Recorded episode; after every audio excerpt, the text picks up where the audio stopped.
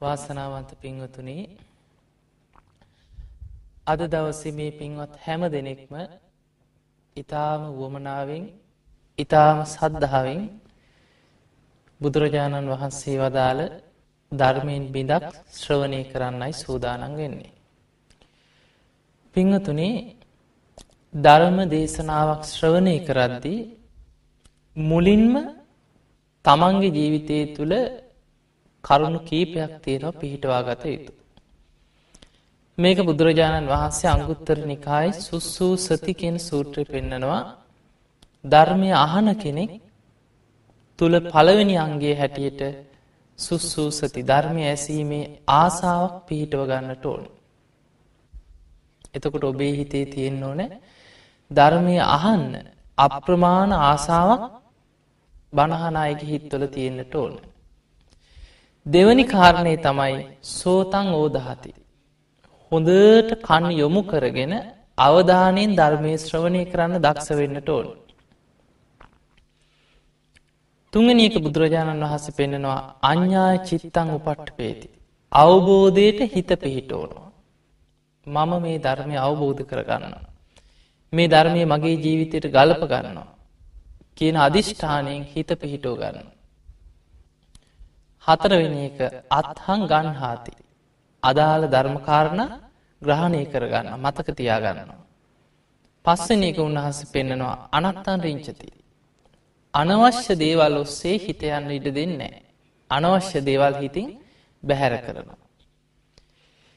මෙන්න මේ කාරණා පහ ඔබේ හිත තුළ පිහිටවා ගත්තොත් ඔබට පුළුවන්කම තියෙනවා මේ දේශනාවෙන් ධර්මය ශ්‍රවණය කරන ඔබට ධර්ම දේශනාව තුළින්ම තමන්ගේ ජීවිතයට විශාල යහපතක් උදා කරගර.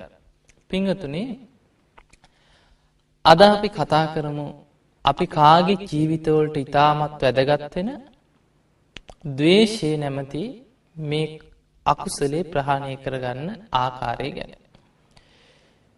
ඊට කලින් බුදුරජාණන් වහන්සේ මේ ලෝකෙ ඉන්න මනුස්්‍යයන්ව කොටස් තුනකට පෙදල තියෙන. ලස්සන උපමා තුනකින් බුදුරජාණන් වහන්සේ වදාලා. උන්වහන්සේ රජ කෙනෙක් උපමා කරගෙන පෙන්නල දෙනවා ඔන්න කෙනෙකුට ආරජ කෙනෙක් ඉන්නවා බොහෝම උසස් කුලේක ඉපදිච්ච එක රජකමට සුදුසු ශස්ත්‍රියකින් රාජ කුලේ ඉපදිච්ච රජ කෙනෙක්ගේ පුතෙක් වෙච්ච අනාගතයේ රජකම මෙයාට හිමිවෙනවා කියලා අභිෂේක කරපු කුමාරයෙක් ඉන්නවා. තාම රජකම හම්බෙලාද නෑ තාම රජකම ලැබිලා නෑ. මේ රාජ කුමාරයට රජවෙන්න සියලු සුදුසුකන් තියෙනවා. එවැනි රාජ කුමාරයෙකුට අහන්න ලැබෙනවා යාබද රාජ්‍යක තවත් රාජ කුමාරයෙකුට ඔටුනු පැළැන්දවා කියලා පණවිඩයක් අහන්න ලැබෙනවා. ඒ පණවිඩි ඇහෙද්දී රජකම අපේක්ෂාවෙන් ඉන්න කුමාරයට මොකද හිතෙන්නේ. මොනවගේ අදහසක් දැතිවෙන. අනේ මං කවද්ද රජ වෙන්නේ. කවද්ද මන් රජ වෙන්නේ කවද්ද මං ඔටුනු පලදින්නේ කියලා විශාල ආසාාවක් ඇති වෙනවා. ආසංසා කියනවා. රජකම කිරී ඇතිවෙන ආසාාව. ඒ පණවිඩේ මහන්න ලැබෙනවා ඒ නගරේ ඉන්න රජකමට මිලෝ සුදුසුකමක් නැති ඉතාම පහත් කුලේක ඉපදිච්ච එක රජකමට නම් ශස්ත්‍රිය කුලේ උපදින්න ඕන. රජකමට මෙලෝ සුදුසුකමක් නැති කිසිම අධ්‍යාපනයක් නැති කිසිම දැනුමක් නැති රජකම කරේ කිසිම ආසාාවක් අපේක්ෂාවක් තිබිලත් වැඩකුට නැති ඔය සාමාන්‍ය මනුස්සයකුට අහන්න ලැබෙනවා අන්න අසවල් රාජ්‍ය රාජ කුමාරයට අද ඔටුනු පැළැන්දුව කිය. ඒක නටමොකක් හිතේද. මංකවද්ද රජවෙන්නේ කියලා හිතෙනවද. ඒ හැඟීම ඇතිවෙන යායට වගේ වගක් නෑ. කවුරු රජ වනත් එකයි නැතත් එකයි. නිරාසා එයාට ආසාාව නෑ. ඊළඟට බුදුරජාණන් වහන්සේ වදාලා රජකම උරුම වෙච්ච රජකම් කරන රජ කෙනෙකුටත් අහන්න ලැබෙනවා අන්න අසවල් රාජ්‍ය රාජ කුමාරයට ඔටුනු පැළැන්දුව කියලා අහන්න ලැබෙනවා. කාට දේහන් ලැබෙන්නේ රජ කෙනෙකුට. රජතුමාට ඇතිවෙනවද සිතුවිල්ලක් මංකවද්ද රජ වෙන්න කියලා. නෑ. රජකම කෙරෙහි යම් අපේක්ෂාවක් තිබුණන රජ වුණාට පස්සේ අපේක්ෂාව ඉවරයි. විගත ආසා. ඒ යම් ආසාවක් තිබුණා නම් ඒ ආසාව සංසිඳිලා ඉවරයි. මේ විදිහට කණ්ඩායම් තුනක් බුදුරජාණන් වහන්සේ පෙන්නලා උන්වහන්සේ මේ කණ්ඩායම් තුන මේ මනුස්ස ලෝකෙට ගලපනවා. බුදුරජාණන් වහන්සේ වදාලා රජකම කෙරෙහි රාජ අපේක්ෂාවෙන් ඉන්න රාජ කුමාරයෙකුට අසවල් රාජ්‍යයේ රජතුමාගේ කුමාරය දඩ ඔටුනු පැළැන්දුව කියෙන පණවිඩ ඇහෙද්දි මං කවද්ද රජ වෙන්නේ කියන ආසාාව ඇතිවෙන. අන්නේ වගේ කියනවා තුනුරුවන් සරණ ගිය ධර්මය අවබෝධ කරගන්න ආසාාවෙන් ඉන්න අයට අහන්න ලැබෙන අන්න අසවල් අසවල්ලයි සෝවාන් වෙලා. අන්න අසවල් ගමේ අර අසවල් අසවල් සද්ධාවන්ත ශ්‍රාවකයෝ ධර්මයේ දියුණු කරලා සකදාගාමි වෙලා. අසවල්ලයි රහත් වෙලා. මේ විදිහට ධර්මය අවබෝධ කරගත්ත මාර්ග පල්ලාබී ශ්‍රාවකයන් ගැන අහන්න ලැබෙනවා. සද්ධාවන්ත ධර්මය දියුණු කරන කෙනෙකුට මොකක්ද හිතෙන්නේ. මම කවද්ද සෝවාන් වෙන්නේ. මම කවද්ද සකදාගාමි වෙන්නේ. කවද්ද මන් රහත් වෙන්නේ. කවද්ද මන් නිවන් දකින්නේ කියන ආසාාව ඇති වෙනවද නැද්ද. ඇති වෙනවා. අන්න බුදුරජාණන් වහන්සේ යොදාල ඒක හරියට රජකම අපේක්ෂාවෙන් ඉන්න රාජ කුමාරයෙක්ගේ හිතේ ඇතිවෙන පැතුම වගේ කියනවා. රාජකුමාරයෙක් නිතරම අපේක්ෂාවෙන් ඉන්නේ කවද්දමන් රජ වෙන්නේ කියන අපේක්ෂාව. අන්නේ වගේ හැඟීමක් තියෙන්න්න ඕන කියනො තෙරුවන් සරණගිය ආර්ය ශ්‍රාවකයකුට කවද්දමන් සෝවාන්වෙන්නේ. කවද්දමන් සකදාගාමියෙන්නේ කවද්දමං අනාගාමවෙන්නේ කියන ආසාාව අපේක්ෂාව තියෙන්න්න ඕන කියනවා. ඒ අපේක්ෂාවත් එක්කමයි නිවන් අවබෝධය කරාමයා දියුණු කරගන්න. ධර්මය අවබෝධ කරන්න තියෙන ආසාාව තන්හාවද නෑ. ඒක අයිතිවට චන්ද ඉර්දිපාදයට ඉර්දිපාද හතරක් තියෙනවා. චන්ද කියන ධර්මය අවබෝධ කර ගැනීම පිණිස තමන් තුළ තියෙන කැමැත් ආසාාව ඒක ඉර්දිපාදයක් විරිය ඉර්දිපාදයක් ධර්මය අවබෝධ කර ගැනීම පිණිස තමන් තුළ තියෙන වීරිය. ඉළඟට චිත්ත කියන අධිෂ්ඨානය මම කොහොමහරි ධර්මය අවබෝධ කරනවා කියන අධිෂ්ඨානය ඒකත් ඉර්දිපාදයක් ඉළඟට වීමන්සා නුවනින් විමසීම. මේ කරුණු හතරම තියෙන්න්න ඕන. ඊළඟට බුදුරජාණන් වහන්සේ අදාළ මේ ලෝකෙ තවත් කණ්ඩායමක් ඉන්නවා. සම ඒ අයට කවුරු සෝවාන් වනත් ඒ අයට ගානක් නෑ. කවුරු සකදාගාම වනත් කවුරු රහත් වනත් ඕන කෙනෙක් නිවන් දැකපුදෙන් අපේ පාඩුව අපි ඉන්න. එහෙම අයනෙද ඉන්නවා. තුනුරුවන් කෙරේ කිසිම සද්ධාවක් නැති සීලයක් රකින්න වුවමනාවක් නැති දුස්සීල ජීවිත ගත කරනයි ඕන තරඟන්න. ඒ වගේ අයට අන්න අසවල්ලයි සෝවාන් වුණා අසවල් අසවල්ලයි සකදාගාමි වුණා කියලා ඒ අයට හිතෙන්නේ කවද්ද මං සෝවාන් වෙන්නේ කවද්ද මන් ධර්මය අවබෝධ කරන්න කියන පැතුමක් හිතේ ඇති වෙන්නේ. ඒක බුදුරජාණන් වහන්සේ වදාලා අර ඉතාම පහත් තැනක ඉපදිච්ච රජකමට කිසිම සුදුසුකමක් නැති කෙනෙකුගේ හිතක් වගේ. එයාට හිතෙන්නේ මං කවද්ද රජවෙඩි කියල. ඊළඟට බුදුරජාණන් වහන්සේ වදාලා මේ ලෝකෙ තවත් පිරිසක් ඉන්නවා මාර්ගඵල ඉහලටම දියුණු කරපුයි මාර්ගඵල ලාබීන් ඉන්නවා. රහතන් වහන්සේලා ඉන්නවා. රහතන් වහන්සේලාටත් අහන්න ලැබෙන වන්න අසවල්ලයි රහත් වනා. අසවල් අසවල් ශ්‍රාවකයෝ සෝවාහන් වනා සකදාගාමි වනා කියල. එතකොට රහතන් වහන්සේලාට ඉතිෙනවද මංකවද්ද ධර්මය අවබෝධ කරන්න කියල. නෑ ඒක හරියට රජ කෙනෙක්ගේ හිතේ ඇතිවෙන පැතුම වගේ කියන. රජ කෙනෙකුට හිතෙන්නෙත් නෑ මම කවද්ද රජ වෙන්නේ කියල. එදකට මේ කණ්ඩායන් තුන මේ ලෝකයේ දකින්න තියෙනවා. පිංහතුනි ධර්මය අවබෝධ කරායන ශ්‍රාවකෙක් තුළ තියෙන්න්න ඕනෑ පැතුම තමයි නිරන්තරෙන් ඒ කෙනගේ හිතේ තියෙන්න්න ඕනෑ කවද්ද මන් ධර්මය අවබෝධ කරන්න. කවද්ද මන් සෝවාන්නේ කවද්ද මන් සකදාගාමයන්නේ. මේ හැඟීම ආසාාව පැතුමත් එක්කමයි වීරයෙන් ධර්මය කරා ගමන් කරන්න. ඒ නිසා මේ අදහස ඇති කරගෙන අපි අද දවසේ මේ ධර්ම දේශනාව ශ්‍රවණය කරන්නට ඕන. අද අපි කතා කරන්නේ අපේ හිත්වල ඇතිවන අපි අපායට ඇදලදාන ඉතාමත් අනතුරුදායක අකුසලයක් ගැන. ඒ තමයි දවේශය. තරහාව තවත් ක්‍රමයකින් විස්තර කරනවා වෛරය බවට පත්වෙන එක තවත් වර්ධනය වෙලා වෛරයක් වෙනවා. තවදුරටත් ඒක වර්ධනය වෙලා වර්ධනය වෙලා බද්ධ වෛරයක් බවට පත්වෙන සංසාරය දිගින් දිගටම යනවා. ආත්මෙන් ආත්මයට අරගෙන යනවා ඒ වෛරේ. කොහොමද අපේ හිතේ මේ ගැටීම වෛරය කියන එක ඇති වෙන්නේ? මේ ආයතන හය තුල ඇතිවන ස්පර්ශය නිසා තමයි ගැටෙන්නේ අපි. ඇහෙන් රූපයක් දකිනකොට ඒ රූපය තුල සැපසහගත බවක් තියෙනවා නම් ඒ රූපයට ඇලෙනවා අපි. ඒ රූපය තුල දුක්සහගත බවක් තියෙනකොට ඒ දුකත් එක්ක ගැටෙනවා. ඒ රූපය තුල දුක් සැප රහිත විඳීමක් තියෙනකොට ඒකට මුලා වෙනවා. අපේ හිතේ තියෙනවා ආශ්‍රව තුනක්. සංසාරිකව මේ රාගදේශ මෝහත් එක්ක ගෙනාපු මේ හිතක කෙලෙස් සහිත හිතක තියෙනවා ආශ්‍රව කියන්නේ සංසාරය කාලයක් තිස්ස පල්වෙච්ච කෙලෙස්. රාගානුසේ පටිගානුසේ අවිද්‍යානුසේ කියලා අනුසේ ධර්ම හැටියට හිතේ හැංගිලා තියෙන මේ කෙලෙස්. ඉස්පර්සයත් එක්ක මේවා මතු වෙලා එනවා අලු යට තියෙන ගිනි පුපුරු මතු වෙනවා වගේ මේ කෙලෙස් උඩට මතු වෙනවා. ඇහැට රූපයක් පෙනුනට පස්සේ ඒ රූපය තුළ සැපසහගත විඳීමක් ඇතිවෙච්ච ගමම්ම රාගානුසේ මතුවෙලා අර සැප විඳීමත් එක් එකතු වෙනවා.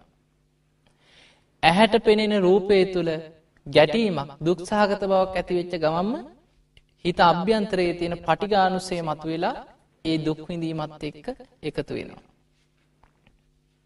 අපි දකින අනික් සෑම දෙයක් තුළම දුක් සැප රහිත විදීමක් තියෙනකොට අපි එක අවබෝධ කරන්නේ. අපි ඒ තුළ මුලා වෙනවා අවිද්‍යානුසයයි මතුවෙන.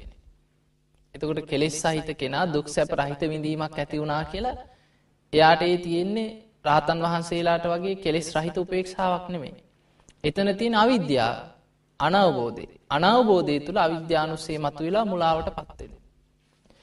එතකොට ඒ විදිහට ඇහැතුලිනුත් කනතුලිනුත් නාසය දිව ශරීරයේ මනස කියන ආයතන හය මුල් කරගෙනම කර්මයක් හැදෙනවා. එතකොට ආයතන හය තුළින්ම කර්මය හටගන්න. දැන් අපි ගම සාමාන්‍ය කන ප්‍රායෝගික උදාහරණකින් පෙන්න්න. දැන් ඔබට අහන්න ලැබෙනවා කවුරු හරි ඔබේ හොඳ කියනවා. දැන් ඔබේ ගුණ වර්ණා කරන ඔබේ හොඳ කියන ඔබේ කනට ඇහෙනවා. කොහොම දැහෙන්නේ? කනයි සබ්දයයි විඤ්ඥානය එකතුවීමේ. එතකොට ඒ සබ්දය ඔබේ කන්නට ඇහෙනකොට ඔබට ඇතිවෙන්නේ දුක්විඳීමක්ද සැපවිදීමක්ද දුක් සැපරහිත විඳීම. සැපවිඳීම. ඒ සැපයත් එක්ක හිත අභ්‍යන්තරයේ තියෙන රාගානුසේ මතු වෙලා එනවා. ඒ සැපවිඳීමට අපි ඇලුම් කරනවා. අපි කැමති අපේ ගුණ කවුරුත් කියනවාහන් ආස කරනවා. සමහිට ගිහින් කන්දීගෙන ඉන්නවා. ඒකට ආසයි ඒකට ඇලෙනවා. ඒත් එක්කම අනික් පැත්තෙන් ඇහෙනවා තව කෙනෙක් බැනගෙන බැනගෙන යනවා.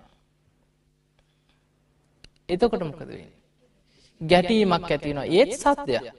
ඒත් කණයි ශබ්දය විඥානය නිසා අපි අකමැති අමනාප ශබ්දයක් අපට ඇහෙනකොටම හිත අභ්‍යන්තරයේ තියෙන පටිඝානුසය මතුවෙලා ගැටීමක් ඇති වෙනවා. ඒ ශබ්දයත් එක්ක එකතු වෙනවා. ඊළඟට අපිට ඔහේ නිකන් ඉන්නකොට කහක්කො කෑ ගහනවා ඇහෙනවා. සත්තු කෑ ගහනවා ඇහෙනවා. වාහන සද්ද ඇහෙනවා. අපි ඒවට ඇලෙනවද ගැටෙනවද? නෑ දුක් සැපරහිත විඳීම. එතන අපි අවිද්‍යානුසේ මතු වෙලා මුලාවට පත්වෙන. මේ විදිහට දිව නාසය කය මේ ආයතන මුල් කරගෙන බාහිර අරමුණුත් එක්ක මේ ඇති කරගන්න කෙලෙස් මනසින් හිත හිත තවතාව කෙලෙස් උපද්දන. දැම් බලන්න කෙනෙක් තනින් වාඩි වෙලා ඉන්නකට මොකද කරන්න. ඇහෙන් දැකපු දේවල් ඔස්සේ හිතනවා. කනින් අහපු දේවල් ගැන සිහි කරනවා. නාසයට දැනිච්ච දේවල් ගැන සිහි කරනවා. දිවට දැනිච්ච දේවල් ගැන කාපු වීපු දේවල් ගැන හිතනවා. කයිට දැනිච්ච පහස ගැන හිතන හිත හිතා කෙලෙස් උපදදන. තනියෙන් හිනාවීන්නයි දැකල නැද. ඔහේ ඉඳගෙන තනියෙන් හිනාවීන්න. එතන තියෙන්නේ සැපසහගත විඳීමක් ඇතිවෙච්ච ගම මොකක් හෝ සැපසහගත අරමුණක් හිතට ආපු ගම තනියෙන් හිනායන. එතකොට රාගානුසේ මතු වෙලා එකත් එක් එකතු වෙනවා. ඒ ගමම්ම ටිකකින් කවුරු හරි තමන්ගේ හිතවතෙක් අනතුරක් වෙච්ච කෙනෙක් මැරිච්ච කෙනෙක් ඥාතියෙක් මතක් කියලා කල්පනා කරන අනේ හිටියන අද ජීවත් වනානන් කියලා හිතනවා. එතකොටම දුක හිතෙන් නැද්ද. අන්න දුක් විඳීමක් ඇතිවෙනකොට ඒකත් එක්ක ගැටෙනවා. මේ විදියට අපේ හිතේ මේ ආයතන හය මුල් කරගෙනම තමයි ආසාාව දේශය වෛරය ඇලීම ඊරිසියා මේ සියලු කෙලෙස් හටගන්නේ ස්පර්ශය නිසා ආයතන හයි මුල් කරගෙන තමයි කෙලෙස් හටගන්න. ඒත් එක් ඔබ අහල ඇති පංච උපාදානස්කන්දය ගැන සංස්කාර බවට සංස්කාර කියන්න චේතනාව කර්මය කර්මයක් හැදෙනවා. දැම් බලන්න බුදුරජාණන් වහන්ස පෙන්නනවා මේ ලෝකෙ හැමෝටම තරහ ඇතිවෙන්න එකමාකාරයෙන්. හැමෝම තරහ පවත්වන්නේ එකම විදිහටද. නෑ. බුදුරජාණන් වහන්සේ ලෝකයේ ඉන්න මනුෂ්‍ය වර්ගයන් කොටස් තුනකට බෙදෙනවා. එක කණ්ඩායමක් ඉන්නවා ඒ අයට තරහ යනවා. කෙලෙස් සහිතයට තරහ යනවා. හැබැයි තරහ ගියාට ඒ තරහ ඒ සැනින්ම ඉවරයි. ඒක උපමාවකට පෙන්නනවා ජලයේ ඇඳපු ඉරක් වගේ කියනවා. දැන් ජලයේ කෙනෙක් ඉරක් අඳිනවා. ජලයේ අඳින ඉර දවස් ගානත් තියෙනවද. පැය ගානත් තියෙනවද. නෑ ඒ සැනින් අතුරු දහන් වෙලා යන. ඒ වගේම තමයි සමහරන්න තරහ යනවා ඒ සැනින් ඉවරයි ඊට පස්සේ ඒක හිතේ තියාගන්න මතක තියාගන්න කියෝ කියෝ ඉන්න බැන බැන ඉන්න ඒ සැනින්ම ඒක හිතින් අතහැරලා ආය හොඳට ඉන්නවා. ඒ තරහ පවත්වන්නේ නෑ. තරහ එතනින්ම අතහැරලා දාන. තවත් පිරිසක් බුදුරජාණන් වහන්සේ වදාලා වැල්ලේ ඇඳපු ඉරක් වගේ කණ්ඩායමක් ඉන්නවා. වැල්ලේ ඇඳපු ඉර දවස් කීයක් තියෙනවද? උපරිම දවසක් දෙකක් තුනක් තිබිලා ඒක මැකිලා යනවා. ඒ වගේ තමයි කෙනෙකුට තරහක් ගැටීමක් ඇති වුණහම කවුරු හරි බැන්නහම ඔය දවසත් දෙකක් කියවනවා. ඔය ගෙදර බැන බැන ඉන්නවා දවසත් දෙකක් කියවයි උන්න දවස් තුනක් හතරක් බනි ඊට පස්සේ ඔහේ අකාමකා වෙලා යනවා ඒක මතකයක් නෑ. ඊට පස්සේ ආයි හොඳට කතාබහ කරනවා ඒක හිතින් අමතක් කරනවා. එතකොට කොටස් දෙකයි. එක කණ්ඩායමක් තමයි ජලයේ ඇඳපු ඉරක් වගේ. තව පිරිසක් වැල්ලේ ඇඳපු ඉරක් වගේ. භයානකම පිරිස බුදුරජාණන් වහන්සේ වදාලා ගලේ කෙටු ඉර වගේ කියනවා. සෙල්ලිපි කොටල වගේ. අසවලා මට මෙසේ කීවේ.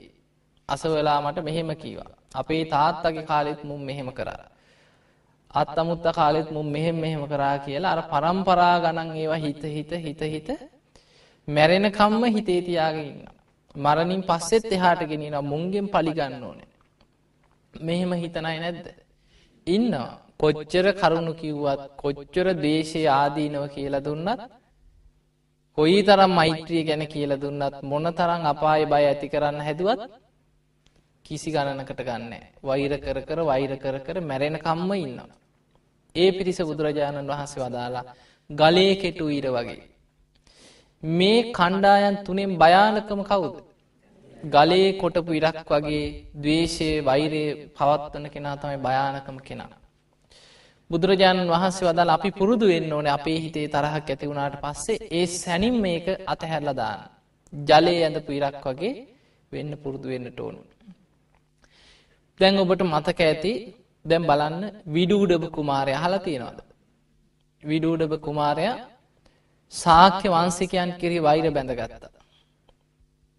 වෛර බැඳගෙන ඒක වෛර බැඳගන්න හේතු ඔබ දන්නවද. විඩූඩබ කුමාරයා කොසල් රජතුමාගේ පුතා. කොසල් රජතුමා තමයි ඉන්දියාවේ විශාලම රාජ්‍ය පාලනය කරේ. කොසල් රජතුමා සාක්‍ය වන්සිකයන්ට පණවිඩයක් කැරිය තමන්ගේ අන්තපුරයට සාක්‍ය වන්සික කාන්තාවක් එවන්න කියලා. සාක්‍ය වන්සිකයෝ කියන උසස් පිරිසා. රජ වනත් ඒ රජවරු අතරත් හිටපු උසස්ම කුලේ පිරිසක් තමයි සාක්‍ය වන්සිකයන්. ඒ අය කල්පනා කර මේ කොසල් රජතුමා වගේ මේ රජ කෙනෙක් වුණත් අපි වගේ ඉහල කුලේක මේ කුමාරිකාවක් මොකටද කොසල් රජතුමාට යවන්න. ඕන්නෑ. නමුත් කොසල් රජතුමාට යම් බියක් තිබුණා. කොසල් රජතුමා බලවත් රජ කෙනෙ.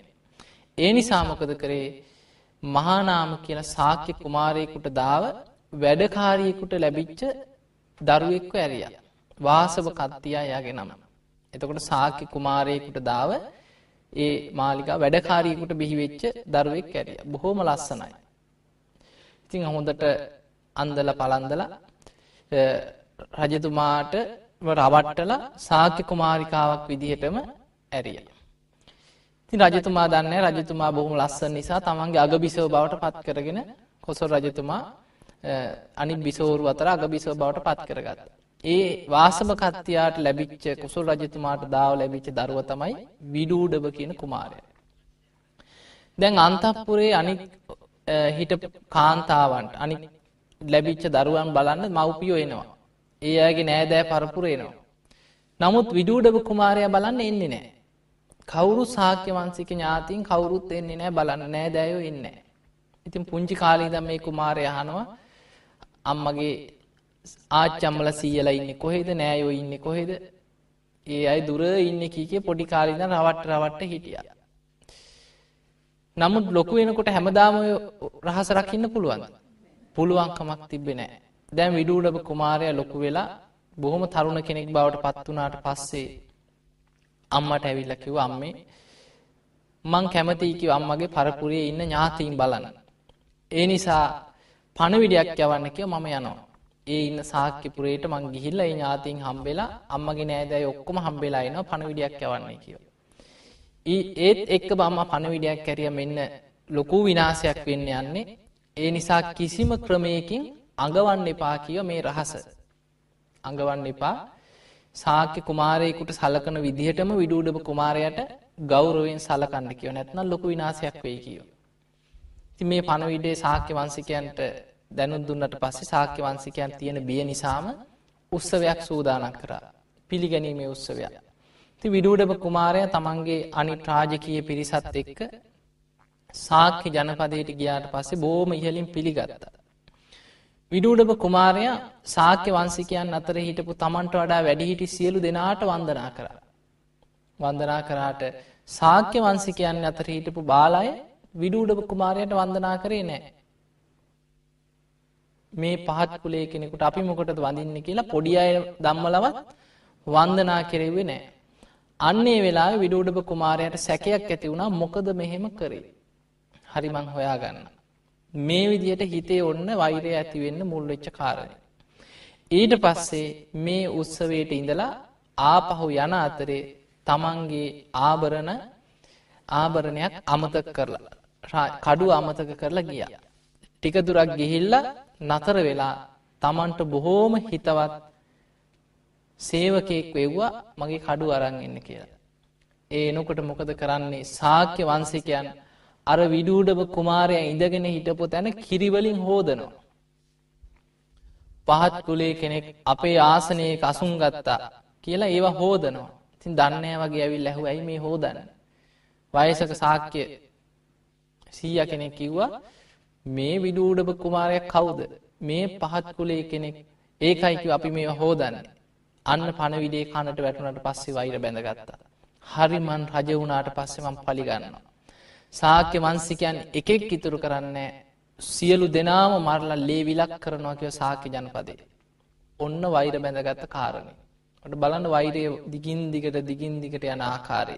ගලේ කෙටුව වගේ මේක හිතේ තියාගෙන හිටිය. ඔහොම ඉඳලා රජකමල පත් වනා. රජකම ලැබුණට පස්සේ ඉස්සරලාම මතු වෙලාව අර ගලේ කොටපු සෙල්ලිපිය. මොකක්ද. පලිගැනීමේ අදහස සාක්‍ය වන්සිකයන්ගේ. බලන්න බුදුරජාණන් වහන්සේ වැඩ සිටිද්දි. උන්වහන්සේ ජීවමානව සිටිද්දි තමන්ගේ නෑදෑ පරපුර විනාස කරන්න විඩූඩබ කුමාරයා රජ වෙලා සේනා සංවිධානය කරගෙන ආවිධාරගෙන පිටත් වනා සාක්‍ය ජනපදයට.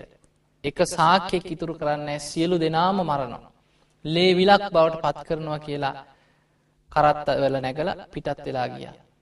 යනකොට බුදුරජාණන් වහන්සේදා අහසින් වැඩම කරලා මේ කරත්ත පෙළ යන පාරේ බොහෝම ග්‍රීස්ම කාලේ උන්වහන්සේ මේ ගස් හෙවනවල් ඕන තරන්තියෙද්දී කොළ හැලිච්ච වේලිච්ච ගහක් යට භාවනා ඉරියව්වෙන් වැඩ සිටිය.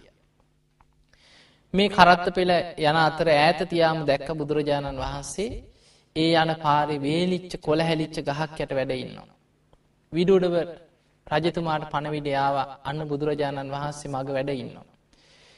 ඒ රත එහෙම නවත්තල විඩූඩබ රජතුමා ඉක්මනට ගිහින් බුදුරජාණන් වහන්සේට වන්දනා කරලා අහනවා ස්වාමීණී භාග්‍යතුන් වහන්ස මේ ග්‍රීස්ම කාලේ මෙච්චර අපහසු කාලෙ මේ ගස්සෙවනවල් ඕන තරන්තියෙද්දි.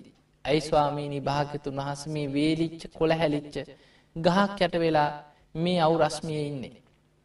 බුදුරජාණන් වහස වදාලා රජතුමනි මගේ ඥාතීන්ට මගේ නෑදෑයන්ට විපතක් වෙන්න යන වෙලාවේ. කොහොම දැහුව තතාගතයන් වහසේ ගස්සේ වනකට වෙලා විවේකව වැඩයින්න. ඒ විදිහට බුදුරජාණන් වහන්සේ රජතුමාට මේ ද්වේෂය ආදීනව ගැන කියලා දුන්නා. යුද්ධයක් කරන්න ගිහිලා මිනිස් ජීවිත විනාශ කරගන්න ආකාරය ගැන කරුණු පැහැදිලි කරාට පස්සේ ඔන්න පළවෙනි වතාවේ විඩුවඩබ රජතුමා මේ වෛරී අදහස ඔන්න අතහැරලා බුදුරජාණන් වහන්සේට වන්දනා කරලා සේනාව එහෙම ආහපව්හරුවගෙන ආයමත් ගියා කුසල් ජනපදයට. දැන් ගිහින් ටික දවසක් ඉන්නවා. ඉන්නකොට මේ වටේ ඉන්නවන අවස්සනයි දැන් රජ කෙනෙක් වටේ ඉන්නවා අවස්සන තමන්ගේ වටේ ඉන්න අයි ඉන්නවා. ඉතින් ඇවිල්ලාහන රජතුමනි කෝ පලිගන්නවා කිවට පලිගත්තේ නෑ. ඇයි රජතුමාට මතක නැද්ද මේ කරපු අවනම්බු. ඇයි රජතුමා නිස්සද්දව ඉන්නේ. අපි අංකි අපිට දිනන්න පුළුවන්. මේ විදිහට එක එක්කෙන ඇවිල්ල දැන් පෝරදාන. දැන් ආයමත් අර හිතේ යටපත් වෙච්ච වෛරේ ආයමත් ටිකෙන් ටික මතු වෙලා මතු වෙලාව සාක්‍ය වංසිකයන් එකෙක් ඉතුරු කරන්නේ සියලු දෙනාම මරලා ලේ විලක් බවට පත් කරනවා. මුම් මට නින්දා කරා ලැජ්ජ කරා කියලා ආයමත් සේනා සංවිධානය කරගෙන දෙවනි වතාව පිටත් වුණා. එදා බුදුරජාණන් වහන්සේ වැඩ හිටියේ ගිච්චකූට පර්වතේ. බුදුරජාණන් වහන්සේ දැක්කා විඩෝඩප රජතුමා තමන්ගේ ඥාති නෑදෑ පරපුර විනාස කරන්න විශාල සේනාවක් කරගෙන කරත්ත පන්සීයක නැගල තවත් පාබල සේනාවක් එක පිටත් වෙලා යන ආකාරය. බුදුරජාණන් වහන්සේ ඉර්දි බලයෙන් අධිෂ්ඨානයක් කරා විශාල ගල් තලාවක් මත මේ කරත්ත පන්සීයම එරෙන්න උන්වහන්සේ අධිෂ්ඨාන කර. ඒ සැනින්ම අර කරත්ත පන්සීය මඩේ එරෙනවා වගේ අඩි එක හමාරත් දෙකක් ඇතුළට අර ගල් තලාව එරිලා ගියා. කිසිම කරත්තයක් පොලෝගන්න බැරි වුණා. විඩූඩ රජතුමා ඇතුළුවේ සියලු දෙනාගෙම ඇගේ ලොමු ඩැහැගත්ත. විශාල බියකට පත් වන කරත්තවලින් පැන්න පල්ලට. පැනල බලද්දී කරත්තවල රෝධ ගල් තලාව එරිලා. හිතාගන්න පුළුවන්කමක් නෑ. ඒ වෙලා කෙනෙක් පණවිඩයක් කිවන්න බුදුරජාණන් වහන්සේ වැඩඉන්නවා ගිච්චකුට පරොත්තේ.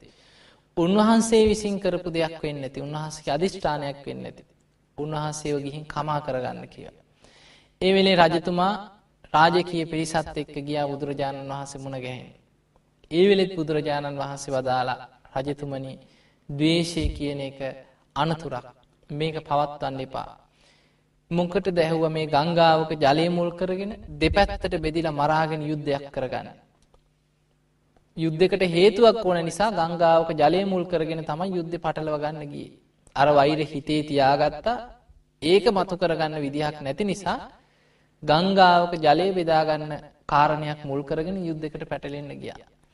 ඒ වෙලේ බුදුරජාණන් වහන්සේ දෙවනි වතාවටත් කරුණු කියලා මේ වෛරයේ සංසිදෙව්වා.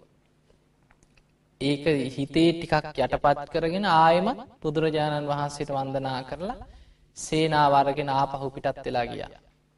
ඒ අදහස අතෑරියට පස්සේ කරත්ත එතනින් ගන්න පුළුවන්කම ලැබුණ ආයමත් කරත්ත උඩට අරගෙන ආපහු හැරිලා ගිය. ගිහින් ටික දවසක් ඉනිදි ආයමත් අර වෛරය මතු වුණා. ආය මාස කීපයක් යද්දි ආයමත් මතු වුණා මොකටද මං මේ ශාක්‍ය වන්සිකයන්ට බයේ ඉන්නේ. මට මෙච්චර ලැජ්ජ කරා. මට මේ තරන් නින්දාවක් කරා. වටේ ඉන්න අය තවස්සන ඇයි රජතුමනි බයද. රජතුමාට මෙච්චර මෙච්චර දේවල් කරලත් ඇයි මෙහෙම නිශ්ශද්ද වෙන්නේ. තුන්වෙනි වතාවේ ආයමත් සේන ආරගෙන පිටත් වනා සාක්‍ය වන්සිකයන් එකෙක් ඉතුරු කරන්නේ සියලු දෙනාම මරණවා කියලා තුන්වෙනි වතාව පිටත් වුණා. එදා බුදුරජාණන් වහන්සේ බැලුවා මොකක්ද මේ නැවත නැවතත් නැවත නැවතත් සාක්‍ය වන්සිකයන්ට මේ කැරකිලායන විනාසයට හේතුව මොකක්ද. බලද්දි උන්වහන්සේ දැක්කා මීට කලින් ජීවිතයක මේ සාක්‍ය වන්සික ඥාති පරපුරම එක්තරා ප්‍රදේශයක ඉපදිලා රජකම් කරමින් ඉදිද්දි ප්‍රදේශයක් පාලනය කරමින් ඉදිද්දී. තවත් ප්‍රදේශ කීපයක් යටපත් කරගන්න අදහසින් ගංගාවකට වහදාලා තියෙන. මේ ගංගාවේ ගලාගෙන යන ජලය පානය කරපු ඒ ගංගාව ජලය පානය කරපු දහස් ගණනක් මරණයට පත් වෙලා. ඊට පස්ස යුද්ධ කරලා ඒ ප්‍රදේශ අත්පත් කරගෙන තියෙනවා. මේ විදිකට ගංගාවකට වස දහලා දහස් ගානක් මරණයට පත් කිරීමේ විපාකය තමයි මේ ආපස්සට කැරකිලායන. තුන්ගනි වතාය බුදුරජාණන් වහන්සේනය හඩුවන. විඩූඩම රජතුමා ඉතාම සෝචනය සිදුවීම. බුදුරජාණන් වහන්සේ ජීවමානව වැඩ සිටිද්දී. විඩූඩව රජතුමා සේනාරගෙන ගිහි මුළු සාක්‍ය වන්සික ජනපදයෙන් වට කරා. ඒ සාක්‍ය වන්සිකයන් අතර විශාල පිරිසක් හිටිය මාර්ග පල්ලාබිය අය සෝවාන් වෙච්චාය හිටිය. ගිහි ජීවිතය තුළම සකදාගාමි වෙච්චාය හිටිය. මේ සාක්‍ය වංස්ක ජනපදයම වට කරලා. යුද ප්‍රකාශ කරා යුද්ධයකට සූදානන් වෙන්න කීවා. නමුත් කිසිම සාක්‍ය වන්සිකෙක් ආයුධයක් අතට ගත්තේ නෑ. සාක්‍ය වන්සිකයන් ඒකගතාවයකට ආවා විඩූඩ රජතුමා අපි සියලු දෙනාම මරණයට පත් කරත් කවුරුත් අතක් උත්සන්න එපාකීව. කිසිම කෙනෙක් ආයුධයක් අතට ගන්න එපාකීව. අපි බුදුරජාණන් වහන්සේ නමකට ඥාතීන් වන පිරිසක්. බුදුරජාණන් අපි ආයුධයක් අතට ගත්තොත් අපි ආයුධයක් ඉස්වුවොත් අපේ ආත්මාරක්ෂාව පිණිසාවරි අපි ආයුධයක් අතට ගත්තොත් ඒක බුදුරජාණන් වහන්සේට කරන අගෞරවය. ඒ නිසා අපි සියලු දෙනාම මේකට මූුණ දෙමු කියලා සියලුම සාක්‍ය වන්සිකයන් එකඟතාවකටාව. ඒ අතර කීප දෙනෙක් ඒකට එකඟ නොවෙච්ච ඒ අයි සාකි ජනපදින් නිරපල ඇරිය. විඩූඩම රජතුමා සාක්‍ය වන්සිකයන් සියලු දෙනාම වට කරලා එක ඒක සාක්‍ය ළඟට ගිහිල්ල මේ සේනා වහනන්නම සාක්‍යයද නැද්ද කියලහනවා. කවුරුත් බොරුවක් කියන්නේ ඇයි ධර්මය අවබෝධ කරගත්තායි. ඔළුව නමල අපි ටෘුණ සාක්‍ය අපි ඒ තරම්ම මේ තනකොළ ගස් වගේ අපි අහිංසකයි අපි ටෘුණ සාක්‍ය කියලා බෙල්ල නමනවා. ඒ වෙලා කඩුවෙන් ගහලා මරණයට පත් කර. මේ විදිහට මුළු සාක්‍ය ජනපදය හිටපු සාක්‍ය වන්සික සියලු දෙනාම මරණයට පත් කරලා ලේවිලක් බවට පත් කර. එතකට බුදුරජාණන් වහන්සේටත් පුළුවන් වුණාද වලක්ව ගන්න. බැරි වුණා. උන්වහන්සේ දෙපාරක් උත්සාහ කරා මේ අනතුර වලක්වන්න නමුත් කර්ම විපාකයක් හැටියට ආපු අනතුරේ බලක්වන්න පුළුවන්කමක් ලැබුන්නේ. තින් ඒ නිසා අපට ඉතාම පැහැදිලිව පේනවා මේ හිතේ තියෙන වෛරයේ දවේශය කියන එක පවත්වන්න පටන්ගත්තොත් ඒකින් යහ අනතුරක් මිසක් යහපතක් වෙන්නේ නෑ. දැන් මේ වෛරයට දවේශයට ප්‍රතිවිරුද්ධ දේමකක්ද. මෛත්‍රිය. මේ දවේශයෙන් වෛරය මේ බද්ධ වෛරය මේ විදිහට අපේ හිතේ දිගින් දිගට වෛරයේ පවතින එක නැති කරන්න නම් ඉබේ නැති වෙලා යනවද නෑ මේක නැති කරන්න නම් ඊට ප්‍රතිවිරුද්ධව අපි අපේ හිත තුළ මෛත්‍රය දියුණු කරන්නට ඕන බුදුරජාණන් වහන්සේ වදාලා මෙත්තා භාවේ තබ්බා ව්‍යාපාදස්ස පහනාය මේ හිතේ ඇතිවෙන ව්‍යාපාදය දවේශය වෛරයේ ප්‍රහාණය කරන්න මෛත්‍රිය වඩන්න කීවා මෛත්‍රිය දියුණු කරන ක්‍රම දෙකක් බුදුරජාණන් වහන්සේ පෙන්න්නනවා ඔබ අහල තියනොද. එකක් තමයි අප්‍රමාණ චේතෝ විමුක්තිය. අප්‍රමාණ චේතෝ විමුක්තිය ගැන ප්‍රමාණ කරන්නේ නැතුව අප්‍රමාණ වසේ මෛත්‍රී වඩනවා. මේක තින මජ්‍යමනිකාය අනුරුද්ධ සූට්‍රයේ තියන තවත් සූට දේශනා කීපයකම තියෙන. අප්‍රමාණ ක්‍රමයට. ඒ කියන දැන් කෙනෙක් උත්තුරු දිසාාව ඉන්න සියලූම සත්‍යයෝ වෛර නැත්තෝවෙම්වා තරහ නැත්තෝවෙම්වා ඉරිසියා නැත්තෝවෙම්වා දුක්පීඩා නැත්තෝවෙන්වා සුවසේ ජීවත්වෙන්වා සාන්ත සුවයට පත්වේවා කියලා උතුරු දිසාවට මෛත්‍රී කරනවා. එතකොට උතුරු දිසාව ප්‍රමාණයක් තියෙනවද නැද්ද. නෑ. අනන්තයට විහිදිලා යන.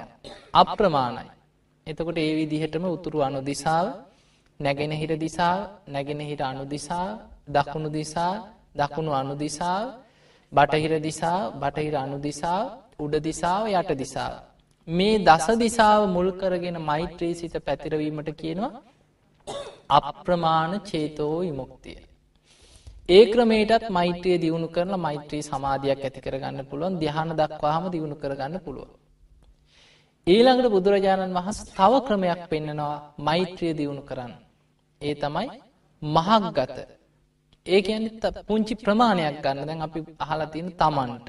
මම නිදුක්වේවා නිරෝගේවා සූපත්ත මේ විදියට තමන්ට මෛත්‍රී කරනවා. ඊළඟට ඒ ප්‍රමාණි ටිකක් විශාල කරනවා. මේ ශාලාවීන්න සියලූම දෙනාට එහෙම නැත්නම් මගේ නිවසේ ඉන්න සියලූම දෙනාට මෛත්‍රී කරනවා.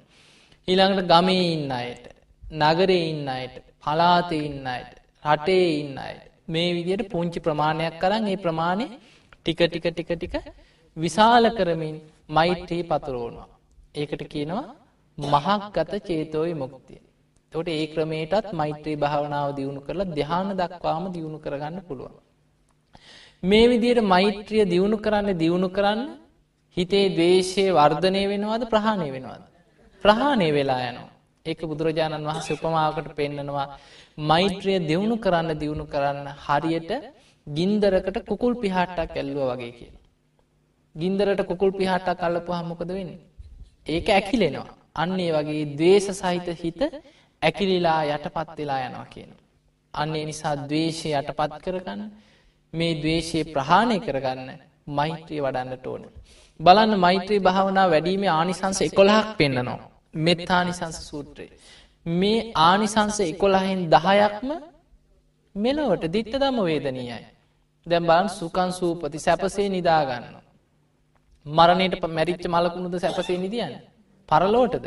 මෙලොවට හොඳට බලන්න මේ ජීවිතේ නින්දයන්න ඇති කී දෙනෙක්කින්නවද. සමහරු ඉන්නවා හිත ඇවිස්සිලා. මේ වැඩ නිදාගන්න ගිහිලත් කල්පනා කරනවා අරදේ තියෙනවා මේ දේ තියෙන අසවලා මට මෙහෙම බැන්න මූ මට මෙහෙම කිව්වා මේ නඩුව තියෙනවා මේ විදියට තියෙනවා. මුම් මෙහෙම කරා. මේ විදියට වෛරයේ හිත හිත හිත හිත ඉන්න නින්ද යනවද? නෑ. පැය ගණන් ඇදේ එහාට පෙරලෙනවා මෙහාට පෙරලෙනවා ඇදටත් බයිනවා කොට්ටටත් බයිනවා මෙට්ටටත් බයිනවා. රෑ පැය ගණන් ඇහැරලා ඉන්නවා. ඇයි හිත ඇවිස්සිලා? නින්ද යන්නේ නෑ. අන්න මෛත්‍රී වඩන කෙනා මෛත්‍රී භාවනාවෙන්ම යාට පුළුවන් නින්දට යන නිදාගන්න ගිහි මෛත්‍රී භාවනාව කරමින් ඉන්න ඇද එහෙම මෛත්‍රී සිත තුළින්ම නින්දට යන සැපසේ නිදාගන්න පුළුවන් සුකන් සූපති. සැපසේ නිදාගත්තට පස්සේ උදේ නැකටිනකොට අමාරුවක් නෑ. සමහරු ඉන්නවා හිත විසිරිලා නිදාගත්තොත් උදේ නැකටිනකොට හත්තට දෙන කල්ලගෙන ගහලා තැහැල්ල වගේ. ඇඳින් නැකිට ගන්න බෝම අමාරු හාට පෙරලෙනවා මෙහාට පෙරලෙනවා නැකිට්ටට පස්සෙත් ඇවිදගෙන යන්නේ අර බේ බද්දෙක් යන වගේ ගේ ඇතුළ ඇවිදින් එහි වදිනවා මෙහි වදිනවා බඩු මුට්ටු පෙරලගෙන ගිහිල්ලා දත් බෙත් එහෙම පෙරලගෙන තමයි දත් මදින් ඊට පස්සේ තේ එකක් එහෙම බීලා විනාඩි පැය භාගයක් විතර යනවා යන්තම් ඇඟට පණ ටිකක් එන්න. ඇයි සැපසේ අවදි වෙන්නේ නැත්තේ? හිත විසිරීලා නිදාගෙන තියෙන මෛත්‍රියක් නැහැ. අන්න මෛත්‍රිය වඩන කෙනා සුකම් පටිබුංජති. සැපසේ අවදි වෙනවා. ඉතාම ප්‍රබෝධමත් අවදවීමක් තියෙන මෛත්‍රී වඩන කෙනාට. ඊළඟට හීනෙන් බය වෙන්න සමහරු තනිය නිදාගන්න බය. ඇයි හිත විසිරිලා හීනෙන් බය වෙනවා. ට හීනෙන් බයවෙන්න භයානක හීන පේන්න වසවිසවලින් අනතුරු වෙන්න අව්‍යාවිධ වලින් අනතුරු වෙන්න මේවයින් ආරක්ෂාවෙන ආරක්ෂාවෙන් හේතුව තමයි දේවතා රක්කන්ති. දෙවිවරු ආරක්ෂා කරනවා. මෛත්‍රිය කියන්නේ දෙවියන්ට බොහෝම ප්‍රිය භාවනාව. දෙවියන් මෛත්‍රියට ප්‍රියයි. එතකොට දෙවියන්ගේ පිහිට ආරක්ෂාව රැකවරණය ලැබෙන්න්නන මෛත්‍රී කරන්න ඕන මෛත්‍රී භාවනාව දියුණු කරන්නට ඕන දේවතාරක්කන්ති. ඉළඟට අමනුෂ්‍යානම් ප්‍රියෝ හෝති අමනුෂ්‍යයන්ගෙන් කරදර වෙන්නෙත් නෑ අමනුෂ්‍යයන්ගෙන් ආරක්ෂා වෙන. ඒක බුදුරජාණන් වහස් පෙන්න්නනවා සංයුත්ත නිකාය තින සත්ති සත සූත්‍රය කියල සත්ති කියන්නේ ආයුදේ දෙපැත්ත කැපෙන ආයුධයක් ගැන පෙන්න්නනවා. කෙනෙක් දෙපැත්ත කැපෙන තියුණු කඩුවක් තියෙනවා ආයුධයක්. මේ ආයුධය අතින් තද කරලා මිරිකනුව නමනවා දිගාරිනවා. එයාට මොකක් වේද. එයාගේ මත පය කැපිල තුවාල වෙනවා. එයාම වෙහිසට පත්වෙනවා. බුදුරජාණන් වහන්සේ වදාලා මෛත්‍රී භාවනාව කරන කෙනෙකුට යම් අමනුස්සේ කිරිහැරයක් පීඩාවක් කරන්න හිතනවනම් ඒකත් හරියට දෙපැත්ත කැපෙන තියුණු ආයුධයක් නමන්න දිගාරින්න මිටිකන්න හදන වගේ වැඩක් කියවා. ඒ අමනුස්්‍යමයි කිය පීඩාවට පත්වෙන. ඒ අමනුස්්‍යමයි කිය වෙහෙසෙන්නේ ඒ අමනුස්්‍ය පීඩාවට පත්වෙලා වෙහෙසිලා අනතුරට පත්වෙලා අමනුස්්‍ය යාත හැරලා යනවා කිය. ඒ නිසා අමනුෂ්‍ය උදුරුවලින් ආරක්ෂාවෙන් මෛත්‍රී වඩන්න කියලා උන්හස පෙන්න්නනවා. එතකොට අමනුස්සානම් ප්‍රියෝහෝති යන්න මෛත්‍රී භාවනා වඩන කෙනාට අමනුෂ්‍යයන්ගින් හිරිහැරයක් වෙන්නෙත් නෑ. මනුස්සානම් ප්‍රියෝහෝති. මිනිස්සුන්ටත් ප්‍රියයි. දෙවියන්ගේ තාරක්ෂාව තියෙනවා. වසවිසවලිනු තාරක්ෂාවෙන අව්‍යාවිධවලින් අනතුරු වෙන්නෙත් නෑ. ඒතකොට එයාගේ ජීවිතයට රැකවරණයක් ආරක්ෂාවක් තියෙනවද නැද්ද. තියෙනවා. ඉක්මනින් හිත එකඟ වෙනවා. මෛත්‍රී ආනිසංසයක්. ඉක්මනින් සමාධී ඇති කරගන්න පුළුවන්. ඉක්මනින් හිත එකඟ කරගන්න පුළුවන්. ඊළඟට පැහැපත් කෙනෙක් බවට පත්වෙනවා. ප්‍රියසීලී කෙනෙක් බවට පත්වෙනවා. මේ හැමදේටම වඩා වැදගත්ම දේ තමයි මරණාසන්න වෙනකොට සිහිමුලා වෙන්නේ මෛත්‍රී වඩන කෙනා. භාවනාවක් දියුණු කරේ නැත්නං සීලේ දියුණු කරේ නැත්නං මරණාසන්න වෙනකොට සමාරු සත්තු වගේ. බලන්න මේ සමාජ ඉහල්ල නිල තල දරපු අය. ඉහල්ලට ඉගෙන ගත්තයි ආචාරය මහාචාරයවරු හැටියට හිටපු අය. අපි දන්නවා සමහරු මරණාසන්නකට ඇඳංගොල බැඳල තියන්න අත්කකුල්. දරුවෙක් මතක නෑ. දෙමව්පියෝ මතකයක් නෑ සමහරුන්ට. කෑවද බීවත මතක නෑ. සමහරු ඉන්න වයිසට ගින් තමම් අසූචි කළ තමම්ම කන. අහල නැද්ද. එහෙම අයින්නවා. එතකොට මේ මනුස්ස ජීවිතයක් ගත කරපු කෙනෙක් ඒ මට්ටමට පත්වෙන්නේ ඇයි. භාවනා කරලා නෑ. සිහිය දියුණු කරලා නෑ. සිහිය කියන්නේ අපේ ජීවිතයේ තියෙන රැකවරණේ. තැ බුදුරජාණන් වහන්සේකින් ජානුස්සෝනිකින් බ්‍රාහ්මණයෙක් අහනවා ඊළඟට මේ වගේ දේශනා කීපයක බුදුරජාණන් වහන්සකින් අහනවා ඇස කණනාසේ දිවකය කියන මේ පංච ඉන්ද්‍රියන්ට තියෙන පිළිසරණමකක්දැව. බුදුරජාණන් වහන්සේ වදාලා ඇහැ කණ නාසය දිව කයට තියෙන පිළිසන්න මනසයි කියව. ඊළඟට උන්වහන්සේකින් අහන මනසට තියෙන පිළිසරණමකක්ද. උන්වහන්සේ වදාලා මනසට තියෙන පිළිසන්න තමයික සිහිය. මනසට තියෙන පිළිසන්න සිහිය. මේ සිහිය දියුණු වෙන්නමකින්ද. සතර සති පට්ඨානය ගැන සිහිය පිහිටවල සිහිය දියුණු කරන ක්‍රම හතර. ඒ සිහිය දියුණු කරනකොට ඒ සිහිය තමන් තුළ දියුණු මට්ටමක් බවට පත්වෙනවා කවදාවත් වෙනස් නොවන. ඒක ඉන්ද්‍රියක් බවට පත්වෙනවා. ඒකට කියෙන සති ඉන්ද්‍රිය කියලා. සිහිය තමන්ගෙම දෙයක් බවට තමන්ගේ ජීවිතය හා බැඳිච්ච විනාස නොවන මුලා නොවන දෙයක් බවට පත්වෙනවා. ඒකට කෙනවා සති ඉන්ද්‍රිය සද්ධහා ඉන්ද්‍රිය විරිය ඉන්ද්‍රිය සති ඉන්ද්‍රිය සිහිය ඉන්ද්‍රියක් බවට පත්වෙනවා. සති ඉන්ද්‍රිය ඇති කරගත්ත කෙනා මරණාසන්න වෙනකොට සීමුලා වෙන්න.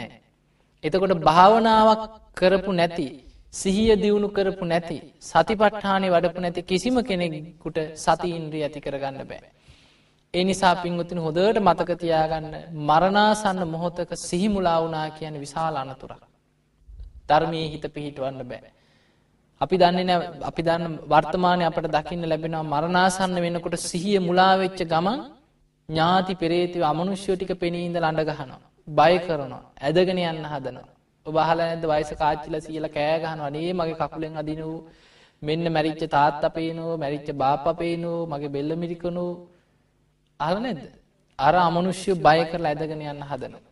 ඒ නිසා මරණාසන්න මොහොතේ සිහිය මුලා නොවී සිහිය රැකගන්න දක්ෂ වෙන්නට ඕනු.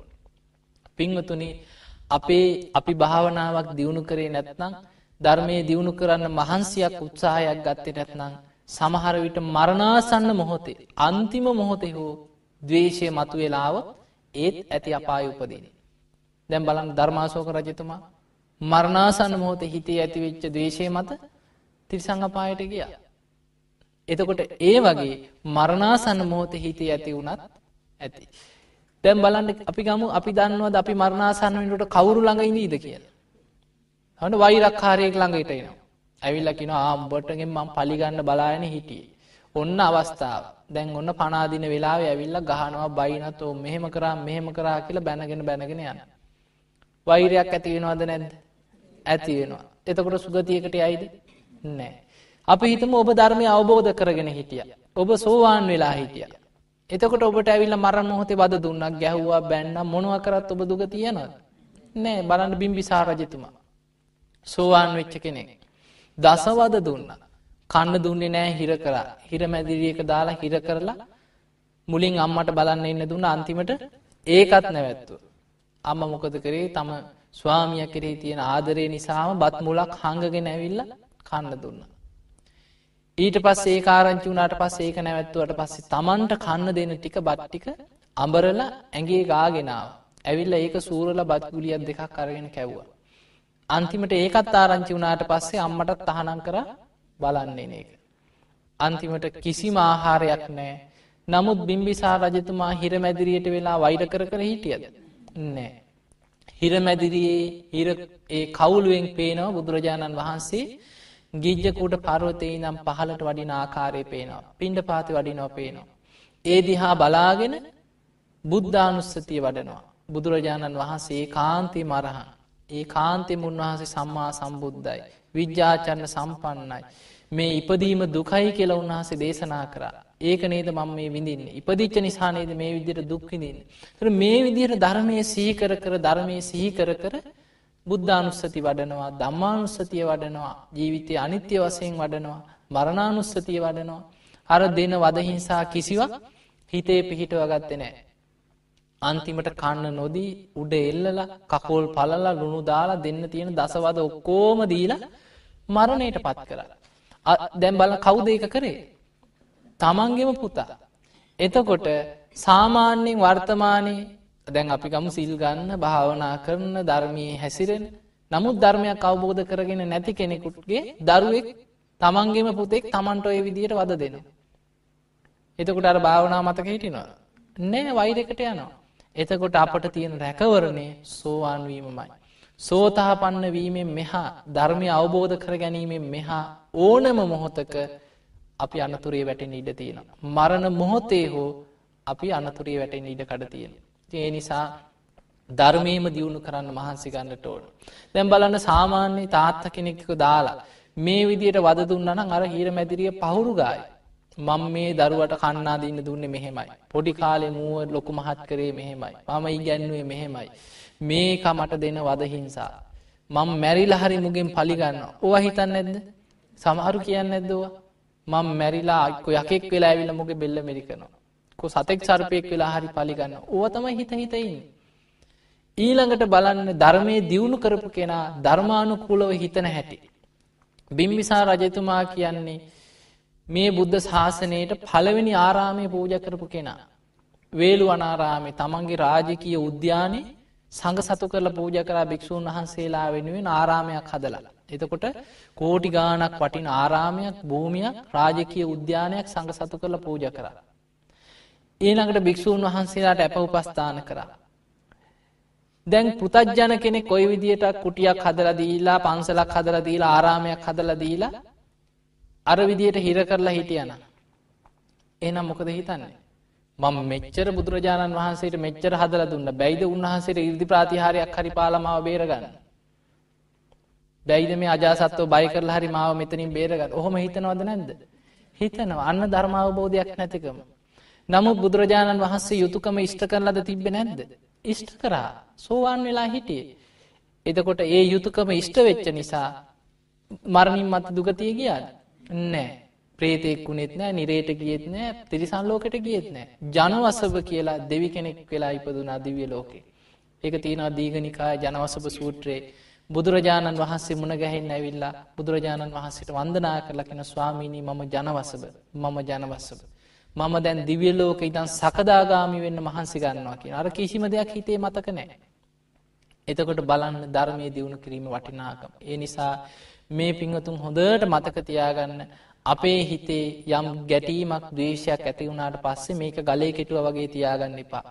වැල්ලේ ඇඳ ඉරක් වගේ තියාගන්නත් එපා මොකට දවස්තු නහතරක් හරි හිතේ වෛරයක් පවත්වන්න. ඒ සැනින්ම දුරු කරලදාන්න. මෛත්‍රිය වඩන්න අප්‍රමාණ ක්‍රමයටත් මෛත්‍රී සිත වඩන්න. මහක්ගත ක්‍රමයටත් මෛත්‍රී සිත වඩන්න. මේ විදියට මෛත්‍රිය දියුණු කරන්න හොදට කල්පනා කරන්න මරණ මොහොතේ සිහිමුලාවෙන් ඉඩ තියාගන්න එපා. සිහිමුලා වුනාට පස්සේ අපි දන්නේ නෑ මොන විදිහට අපි අනතුරේ වැටයිද කියලා. ඒ නිසා සිහිමුලා නොවෙන්න නම් පංචසීලය ආරක්ෂා කරන්නට ඕන සතිපට්ඨානය දියුණු කරන්නට ඕන භාවනාවක් දියුණු කරන්නට ඕන. තින් මේ පින්වත් හැම දෙනාටම මේ ලැබිච්ච මනුස්ස ජීවිතය තුළ මෛත්‍රී භාවනාව දියුණු කරගෙන ධර්මය දියුණු කරගෙන සතර සති පට්ඨානය දියුණු කරගෙන උතුම් වූ චතුරාරි සත්‍ය ධර්මයම අවබෝධ කරගන්න වාසනාව උදාවේවා